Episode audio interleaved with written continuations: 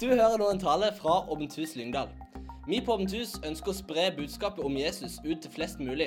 Det kan du hjelpe oss med med å like og dele denne talen. Her kommer ukas tale. Jeg må jo si at det er utrolig stas å få lov til å komme hit. Og som en sånn halvt lyngdøl, da pappa er Lyngdal, fra Lyngdal, så må jeg si at eh, lyngdalsgenene mine de bare bruser nå.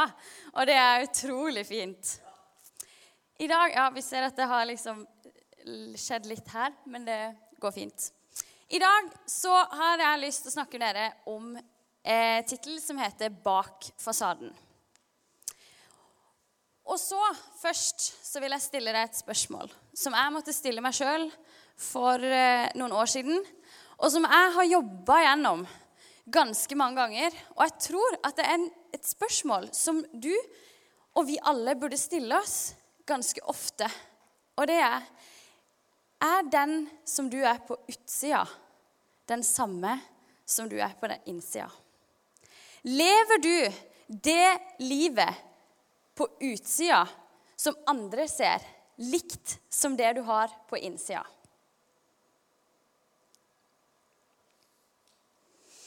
Lever du ærlig med det livet som du lever? Jesus han sier, 'Jeg er veien, sannheten og livet'. Og du kan ta neste. Men det er ikke alltid like lett å vite hva som er veien i livet, hvis du ikke vet sannheten. Og sånn var det for meg. Og Hvis vi begynner helt fra begynnelsen, så ble jeg født i Stavanger. Vokste opp der med en mamma og pappa og en lillebror og hadde det veldig fint. Men jeg var veldig mye redd. Jeg hadde mye separasjonsangst, og det gikk faktisk så langt at jeg ikke turte å sove hjemmefra før jeg gikk på ungdomsskolen. Og jeg var veldig annerledes enn de andre. Jeg var litt høyere, jeg var litt større. Jeg snakka litt rart. Og når vi flytta fra Stavanger til Kristiansand da jeg var ca. seks år, så kom jeg til en klasse der alle kjente alle. Og da ble det veldig vanskelig for Ingrid å passe inn. Og det gjorde på toppen av det hele det litt vanskeligere når jeg fikk dysleksi og sleit veldig med skolen. Jeg ble veldig mye mobba, og alle disse tingene her, det gjorde at jeg ikke følte meg god nok. Jeg strevde så med å finne min plass, og jeg strevde så med å finne min bekreftelse. Jeg var aldri god nok på noen ting. Når vi var på sånne steder som dette, og jeg skulle ønske jeg hadde et sånn ungdomsarbeid som dere hadde For jeg ble liksom litt sånn mellom alle. Så jeg ble litt sånn klut. Så jeg bare var litt her og litt der og hadde ikke min tilhørighet. For jeg var alltid halen på noen andre. Og når ikke jeg følte meg god nok noen ting, så ble hele ungdomstida mi den ble et evig jag etter bekreftelse. Og jeg prøvde på mange måter å være god nok og passe inn. Og jeg vet ikke med ditt liv og hva du tenker på, og hva du på en måte strever med. Men hvis vi ser på dette her, kartet her som jeg har prøvd å lage Her skal det stå tanker med den grønne. Her kommer de tankene inn som sier jeg skulle ønske jeg var sånn. Tenk om. Og jeg, om jeg bare hadde vært som den jenta eller den gutten. Da hadde ting vært bra. Og det som skjer når du tar tankene og så kobler du dem sammen med følelsene dine, så kommer det følelser og tanker som sier 'Jeg er ikke god nok'. 'Jeg strekker ikke til'. Du kan bli deprimert eller deppa, og du skulle ønske du var penere, sterkere, finere eller er noe som du ikke er. Og det igjen fører til at handlingene dine, det du gjør Du føler deg ikke god nok, og du føler at du må, er utrygg, og at du må passe inn, og kanskje du da må bli perfekt. Og du strever etter å bli perfekt, for det er det alle andre rundt deg på, som du ser på sosiale medier, ofte virker som de er. Og det var det jeg prøvde på. Jeg prøvde å finne sannheten om meg sjøl i å være perfekt. Og jo mer jeg prøvde, jo vanskeligere ble det. For på utsida så var jeg jo så å si Så kunne ingen se at jeg hadde det vanskelig. På utsida så, så det ut som at jeg var OK, OK, jeg hadde det bra. Men på innsida så ble jeg mer og mer og mer råtten og usikker. Jeg misunte andre, jeg sammenligna meg med dem, og jeg skulle alltid ønske at jeg var som den bloggeren eller den jenta utsiden av eh, reklameplakatene. Det var sånn jeg ønska å være. Og ofte så er det omstendighetene, det som påvirker oss. De forteller at hvis du bare blir litt sterkere, så blir du lykkelig. Hvis du bare får litt større lepper, eller hvis du bare får litt bedre karakterer på skolen, så kommer du inn på den skolen du vil, så får du masse penger, og så blir du lykkelig. Det er det omstendighetene sier. Det er det som ofte blir sannheten i våre liv. Men Jesus han sier, 'Jeg er veien, jeg er sannheten, og jeg er livet'. Og jeg var fortsatt kristen. Jeg trodde fortsatt på Gud. Jeg gikk jo fortsatt på ungdomsarbeid. Men likevel så var det noe i meg som ikke stemte, og som ikke var på plass. Og du kan ta neste bilde. Her er fra eh, en avisartikkel som Vibeke Skofterud har skrevet. Eller som hun sier Jeg jobber fortsatt med å få finere rumpe, flatere mage og bedre kondis. Og når vi tenker på de beste skiløperne i Norge, så tenker vi at de må være tålelig fornøyd med kroppen sin, og de må være ganske fornøyd med den kondisen de har. Og jeg leste faktisk i Petter Northug sin bok at han noen ganger i sommerhalvåret på går ikke med eh, bare overkropp fordi at han syns sjøl at han ikke er noe fin i over, bare overkropp. Og kan dere tenke dere, da? at når ikke Petter Northug eller Norges beste skiløpere syns at de ser OK ut, det er ikke rart at vi blir litt sånn skrudd i huet. For jeg tror at jo mer du prøver å være perfekt på utsida når du ikke vet sannheten om deg sjøl, jo mer du prøver, jo vanskeligere blir det å finne den sannheten. Og det er så mange ting som påvirker oss. Og dette er jo en av de tingene. sant? At noen er gode på ski. Og jeg vet ikke hva som påvirker deg i ditt liv. Men her har jeg bare tatt med noen få ting. Om det er en fotballspiller som kanskje påvirker deg, om det er Netflix, en serie, om det er YouTube, om det er Kardashians Jeg vet ikke. Men det er så mange ting som river og drar i oss. Og kanskje du har kjent litt på det.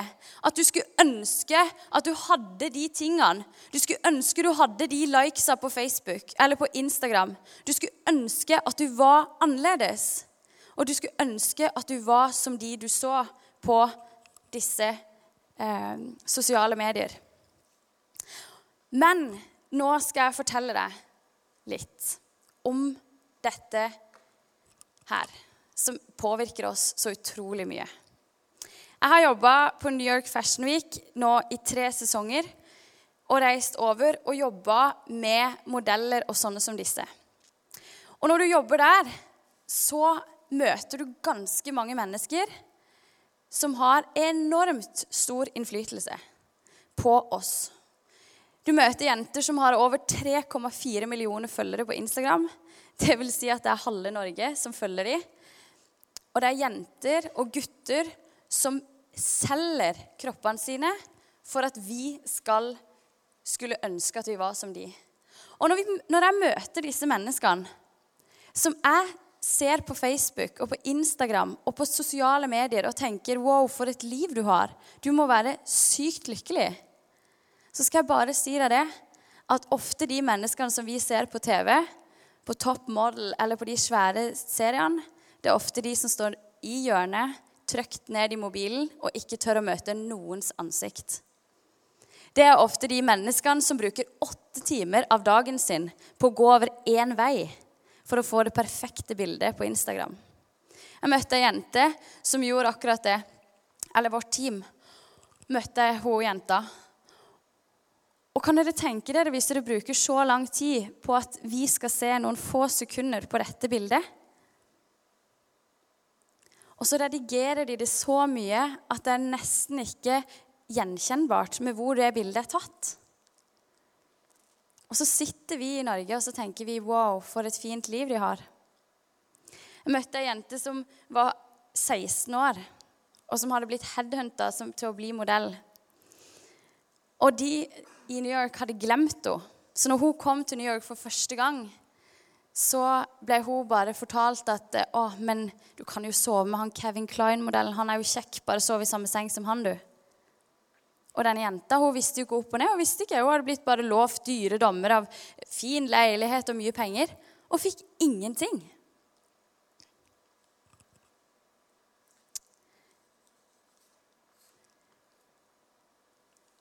Det er veldig lite glede å se når du jobber bak sånn som dette på Fashion Week. Det er veldig lite engasjement. Folk er bare veldig sånn blasse. De har veldig fasader, de er veldig harde, og de er veldig sånn egoistiske. Og Av og til så kan jeg tenke kjære Gud, du sender lille Ingrid fra Norge, som har en litt sånn gebrokken dysleksi-engelsk, til New York for å liksom være din disippel for å liksom være din representant. Hva er huleste er det å komme der? Sant? Og så står jeg der, og så, liksom, så, møter du disse, og så er det bare sånn Ja, mange følgere har du på Instagram, da, liksom? Det er det de begynner med. Og da er det sånn hm, jeg, har ikke, jeg har ikke noe å komme med. Men det jeg vet, det er at jeg har fått noe. Jeg har fått en vei. Jeg har funnet en sannhet i mitt liv. Og jeg har funnet en som kan gi meg et håp.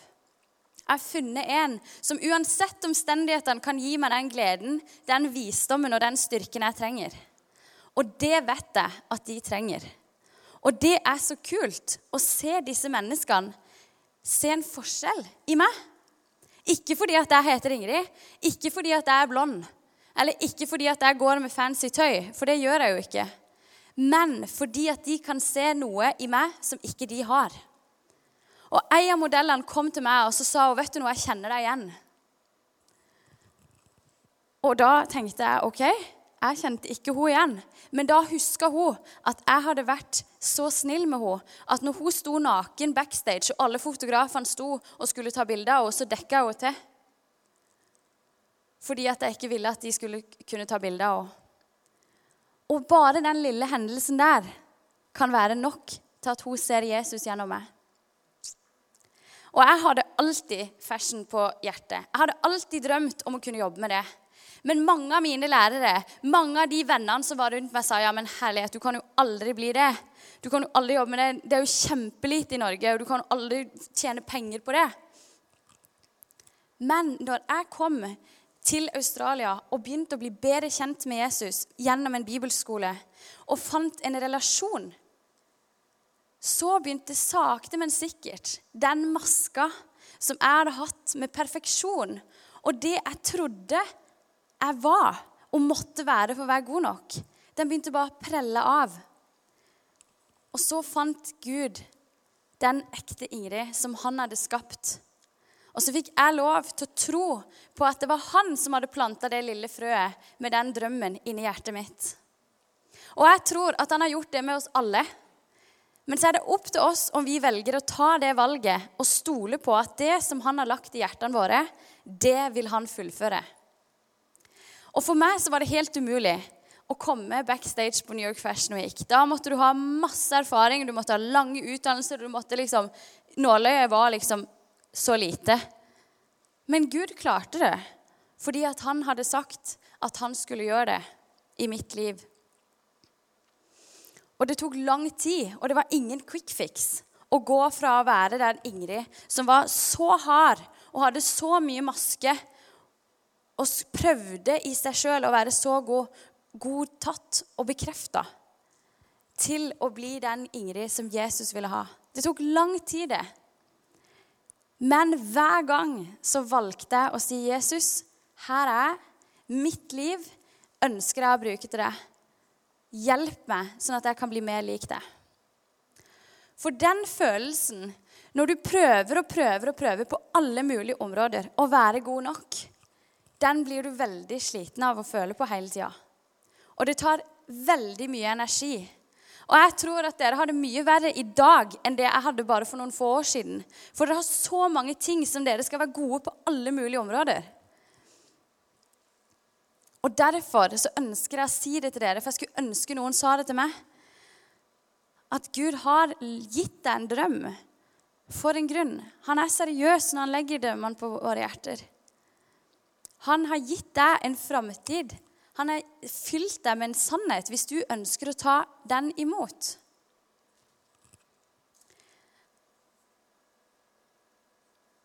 Og når du ikke føler deg god nok noen steder, så er det alltid en som du kan snu deg til, og så kan du finne alt det du trenger av bekreftelse. For sånn her ser det ut på Fashion Week når de kommer ut. Og her sitter jo jeg vet ikke om dere ser det, men her sitter alle de stjernene og tar bilder med mobilen. Og sånn ser det ut. Og det ser jo egentlig ganske bra ut nå. Og modellene ser ut som de er veldig alvorlige og har det ganske rolig inni seg. Men egentlig så er realiteten sånn. Backstage så er det ikke noe fasade. Her er det the real thing. Her er det kaos. Her er det ofte kanskje opptil 250 mennesker. Og alle skal prøve å få en liten del av spotlighten. Alle skal prøve å få de fineste neglene, de fineste sminken. Og ofte på guttemodeller så sminker de liksom sixpacken, sånn at han skal se de maler på kroppen. Alle som er der bak, skal prøve så hardt å få sitt navn på et, eh, et magasin, så de kan få bli forfremma. Og sånn tror jeg det er litt i våre liv òg. At du tar på deg én ytre side, og så har du det litt kaos inni deg. Og det er helt greit, fordi at noen ganger så har vi det sånn. Men hvis du går med en sånn konstant følelse av at det er kaos inni, og så er det fint på utsida, så tror jeg at det kan bli veldig slitsomt. Og veldig mange i vårt samfunn i dag søker bekreftelse i alt det som ligger rundt oss. I alt det som er i eh, de store liksom, Instagram, Twitter, Snapchat Alle disse her tingene her. Vi søker så bekreftelse. Og vlogg. Alle vil liksom ha en eller annen sånn Se meg, se meg, se meg.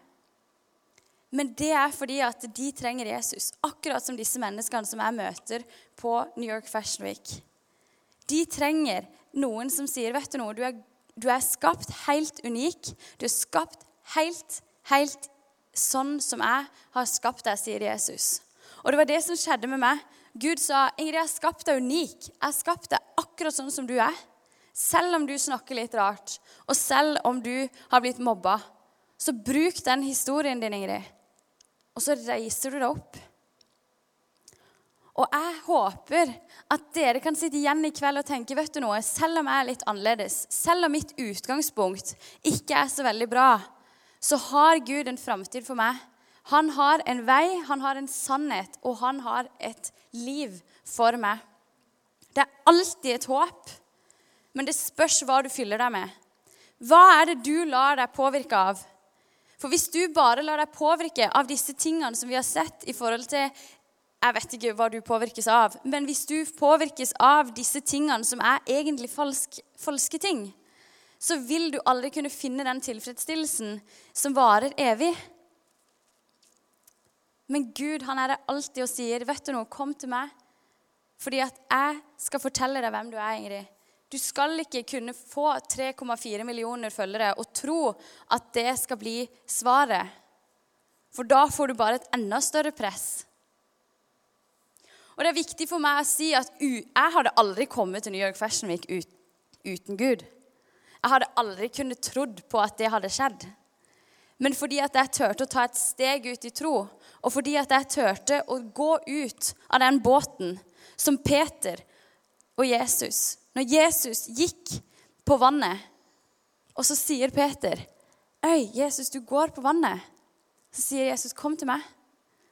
Og Peter vet at han ikke kan gå på vannet. Men hvis han stolte på Gud, så kunne han det. Og sånn tror jeg det er med oss i dag òg. Hvis du tør å gå ut av båten, hvis du tør å være annerledes, hvis du tør å reise deg opp i klassen din, og hvis du tør å si at vet du noe, jeg er unik og jeg er annerledes, og det er helt greit, så vil Gud kunne bruke deg til store ting. Men det er ikke noe quick fix. Og jeg tror at uansett hvilket utgangspunkt vi kommer med, uansett hvilket utgangspunkt vi har, så vil han kunne fylle oss og kunne bruke vår historie til noe for hans sitt rike. Og det er utrolig at faktisk Gud bryr seg så mye at han syns det er kult med fashion. Han syns det er like kult med, med disse store stjernene som er fotballstjerner også. Han bryr seg like mye, og han skulle ønske at folk kunne gå inn der og snakke liv inn i disse menneskene. For sånn som vi så med Petter Northug, så trenger han å vite at han er elska på innsida. Det er ikke sånn at du, hvis du har det fint på utsida, så har du det nødvendigvis fint på innsida. Du må ha det fint på innsida, og det er det kun Gud som kan bekrefte. Og For meg så tok det lang tid, og det var mange kamper og det var mange tårer for å bli den jenta som Gud hadde sagt. Og det er fortsatt en vei. Jeg har fortsatt mange ting som jeg jobber med. Og det er helt greit, for jeg tror alle er i prosesser. Men det handler om hvor mye vi er villige til å gå ut av den båten. Og hvor mye vi er villige til å la Gud si Vet du noe, Ingrid? Uansett hva de jentene og guttene sier i klassen, så går det helt fint. Uansett om ikke du har så mange følgere på Instagram, så går det greit.